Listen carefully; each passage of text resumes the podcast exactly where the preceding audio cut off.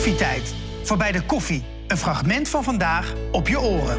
Waarom kiezen dan toch zoveel mensen altijd die datum, hè, 1 januari, om Ja. dan het leven misschien toch een beetje drastisch te veranderen? Ja.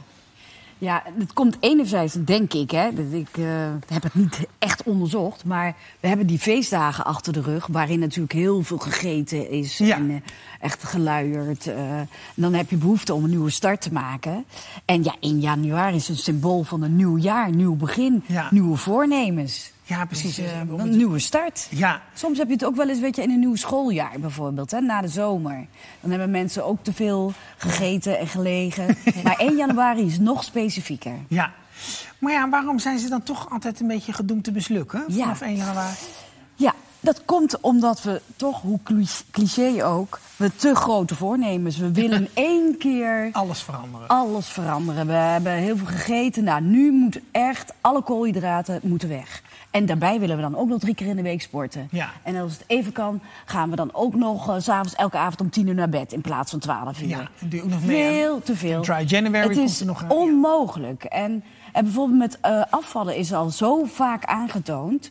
dat eh 80% van de mensen die een dieet volgen weer terugvalt. Ja. En daarvan een groot deel nog zwaarder wordt dan Ja. dat hij begon. Ja. Het is vreselijk, maar het is gewoon waar. Ja. En daarbij is dat niet alleen frustrerend, want hè, balen, want je wordt, komt weer aan. Maar het is ook niet goed voor je gezondheid. Je stofwisseling raakt in de war. Ja. En je wordt er sneller oud van. Precies. Ja. Want Dus- we, doen, we doen nu wel een beetje zo van... ja, die, die- ik, ik, ik doe ook nooit aan, aan goede voornemens omdat ze toch mislukken. Maar er zit natuurlijk wel een diepere onderlaag in. We, willen, we zijn dan toch... Het betekent toch dat we niet helemaal happy zijn... met hoe we het allemaal Ja. doen en hebben gedaan. Precies. Dus hoe kan je dan toch het laten slagen? Ja. In plaats van zeggen, ah ja... We hebben niet voor niks ook weer in, in januari... hebben we toch weer bad of donkere dinsdag of zoiets. Ja. Ja, dat is precies. ook zo'n maandag Ja, dat je ja, denkt ja, van, ja. ah, bah, niks nou, is gelukt. ehm, pak het in weer cliché in kleine stapjes aan. Het werkt echt. Dat is ook al zo vaak wetenschappelijk aangetoond. Je hebt ook de kunst van Kaizen. Dat is een, eh, eh, een, een Japanse leer die laat zien dat je met kleine stapjes het meest bereikt. Nou, wat je dan daarin... Ja, het is saai, maar het werkt. Ja. Maar luister, Loretta, stel dat jij...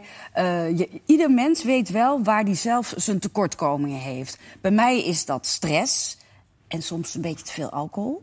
Dus Ja. eh, dat zijn mijn twee zwakheden. Dan kan ik wel gaan zeggen, ik moet meer bewegen... maar dat is bij mij niet zo van belang. Dan pak je van die stress een klein dingetje. Je maakt een lijstje met alle dingen waarvan jij denkt dat je die wil veranderen. En dan zeg ik bijvoorbeeld, s'avonds na zeven uur wordt er niet meer op de telefoon gekeken. Ja. Voor de rest verander je helemaal niks. Dat doe je net zo lang totdat het ingesleten is. En dan mag je weer een nieuw puntje van je lijst pakken. En op een gegeven moment, eh, nieuwe gewoontes of gezonde gewoontes... kunnen een gewoonte worden zoals alle andere dingen. Ja. Zoals jij s'avonds, s ochtends bijna half slaperig onder de douche stapt... automatisch je tanden poetst, automatisch de hond voert. Dat, dat zijn gewoontes die er ingesleten zijn... waarbij je niet eens meer na over nadenkt. Nee. Dat kan met gezonde gewoontes ook. Als jij bijvoorbeeld elke ochtend eh erin brengt dat je voor je tandenpoetsen drie kniebuigingen maakt, ik noem maar wat, eh, dan wordt het op een gegeven moment een gewoonte. Ja. We zijn Je kijkt er heel moeilijk nee, bij. Ik, ja, ik ben, nee, ik ben het, mijn, mijn mijn hele leven schiet aan me voorbij intussen. Eh, maar het is een soort Pavlov-reactie wat we hebben. Eh, Ja. inderdaad, die slechte gewoontes zijn er ook zomaar Ingesloten. ingesleten. Ja. Ehm, ik realiseer, daar zat ik ook weer aan te denken in de tijd dat ik nog rookte. Dat ik altijd. Ja. eh, toen heb ik een hele tijd niet gerookt. En toen was ik ook een tijdje ziek. En toen eh, ging ik weer eh, aan het werk. En toen werkte ik, had ik, deed ik avonddiensten bij het nieuws. En na een half jaar kreeg ik voor het eerst weer een, had ik weer een vergadering. En wat deed ik toen ik uit die vergadering kwam? Nou, maar, dus dat nog van een half of jaar Precies. geleden daarvoor een sigaret pakken. Want Omdat dat het ik gewoonte dus was. Terwijl je al zo lang was Terwijl gestopt. Het is zo, als je het één keer echt goed doorbroken hebt...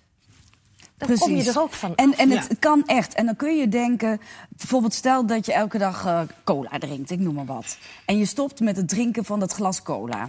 Dat doe je niet meer. Voor de rest haal je alles hetzelfde. En dan kun je zeggen, ja, maar wat heeft dat nou voor een zin? Dat is, eh, maar het heeft heel veel zin. Het is 365 glazen cola per jaar. En je, je raakt daar niet meer aan gewend. En dus dat is echt alle kleine beetjes, daar kom je het verst mee. En op een gegeven moment kun je met die gewoontes gaan stapelen. Is de ene een gewoonte geworden? Hè, bijvoorbeeld begin met 300 gram groente eten per dag, voor de rest verander je niks.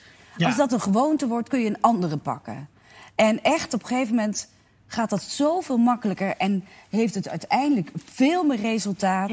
Dan het in één keer rigoureus aanpakken van al je ongezonde gewoontes. Ja, want dat is wat we willen natuurlijk allemaal zo snel mogelijk ja, resultaat. Ja. Wat is nou. Heb jij goede voornemens? Uh, nou, ook niet zo heel erg veel. Nou, ik doe altijd uh, mee aan Dry January. Uh, oh, ja. Maar dat deed ik al voordat het gewoon heette... ik drink een maand niet. Maar ja. nu is het allemaal opgehyped en nu is het Dry ja. January. Maar dat doe ik eigenlijk altijd. Maar ook omdat je in december altijd helemaal al verzadigd bent met alles... gaat dat mij eigenlijk heel makkelijk af. En dan denk ik, nou, doe ik nog een maand. Want dan van één maand heb ik niet echt... Ik heb geen struggle gevoeld. En dat vind ik altijd wel lekker. Dat het moet je ook wel een beetje oh, moeite kosten. Want anders dan, dan is het lastig ook om iets te doorbreken. Maar wat is nou een goed tijdsbestek dat je denkt van daar kan ik echt iets in veranderen. Ja, dat hangt af van de gewoonte die je wil veranderen. Is het iets kleins, bijvoorbeeld dat je je voorneemt om elke dag je tanden te flossen, ik noem maar wat. Ja. Dat is binnen twee weken, kan dat, er al in. Maar het kan ook een jaar duren, dus het is afhankelijk van de gewoonte. Als jij zegt, ik ga uh, gewoonte van maken om elke ochtend een uur te wandelen voor het ontbijt. Dat is heel wat lastiger dan je tanden te, tanden te flossen. Dus het is afhankelijk. Maar op een gegeven moment kan het echt een gewoonte worden. En dan kost het jou geen moeite meer. Dan vind je het heel vanzelfsprekend. Ja. En, en, dan lijkt het ook wel alsof je lijf en je geest erom vraagt. Precies. Echt, hè? Ik herken dat echt. Dat je niet compleet... Net zoals met, ook met die autogordels. Ja, dat is ja. heel lang geleden. Maar je voelt je niet lekker als je geen autogordel hebt. Exact, maar dat zijn ook gewoontes. Ja. We denken daar niet meer bij na. Ja, en ik heb met mijn slapen... Eh, ik, heb drie jaar heel slecht geslapen. Moest ik ook nieuwe patronen gaan ontwikkelen. Om een soort slaaphygiëne te ontwikkelen. Nou, dat heeft ook even geduurd. En nu zit het dat wel redelijk zit dat erin. Maar is het niet makkelijk om iets aan te leren dan iets af te leren? Nee, dat hoeft in principe niet. Ook dat kun je weer... Uh, kijk, ja, je hebt natuurlijk verslavende dingen, zoals alcohol, uh, koffie. En, en, dat is natuurlijk moeilijk om dat af te leren. Maar bij iets afleren is net zo moeilijk als iets afmakkelijk ja, iets okay. En, en, en, het verandert ook, hè, wat ik net nog opgezocht. Dat als je ouder wordt, na je vijftigste schijnen de mensen veel minder goede voornemens te maken dan daaronder. En toen dacht ik, hoe komt dat nou?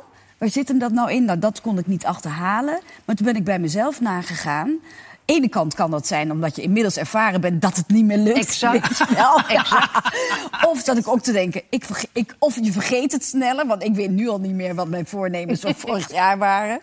Of, en dat kan natuurlijk ook als je jonger bent, dan heb je nog voornemens als: Nou, ik laat niet meer over me heen lopen. Ik ga nu uh, dit doen op mijn werk. Uh, en dat heb je op een gegeven moment uh, wel gehad. Dan ben je meer gevormd, dan weet je wel wat je kan en wie je bent. Ja.